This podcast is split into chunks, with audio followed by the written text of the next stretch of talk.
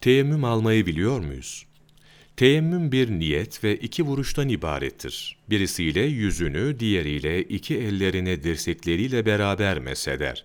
Cünüplük ve abdestsizlik için teyemmüm etmek aynıdır. İmam-ı Azam Ebu Hanife'ye göre rahmetullahi aleyh, toprak, kum, taş, kireç, alçı, sürme ve zırnık gibi yerin cinsinden olan her şeyle teyemmüm etmek caizdir.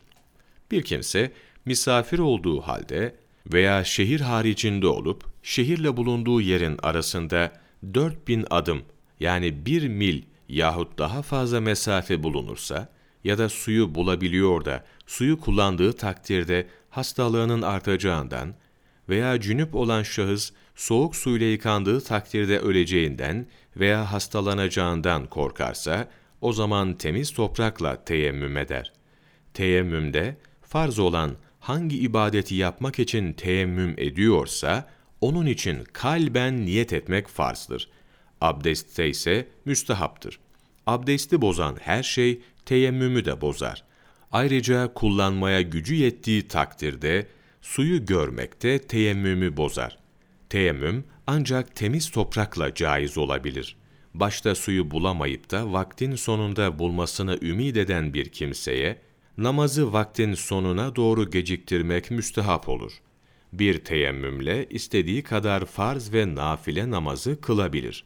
Abdest almakla meşgul olduğu takdirde bayram namazını kaçırmaktan korkarsa teyemmüm ederek namaz kılar.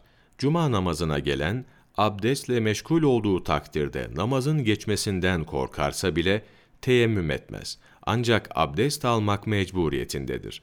Cuma'ya yetişirse kılar, yetişemezse öğle namazını dört rekat olarak kılar.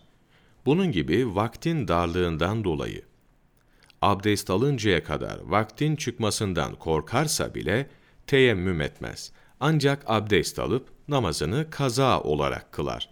Eğer yol arkadaşında su varsa teyemmüm etmeden önce suyu istemesi lazımdır. Vermediği zaman teyemmüm edip namazını kılar.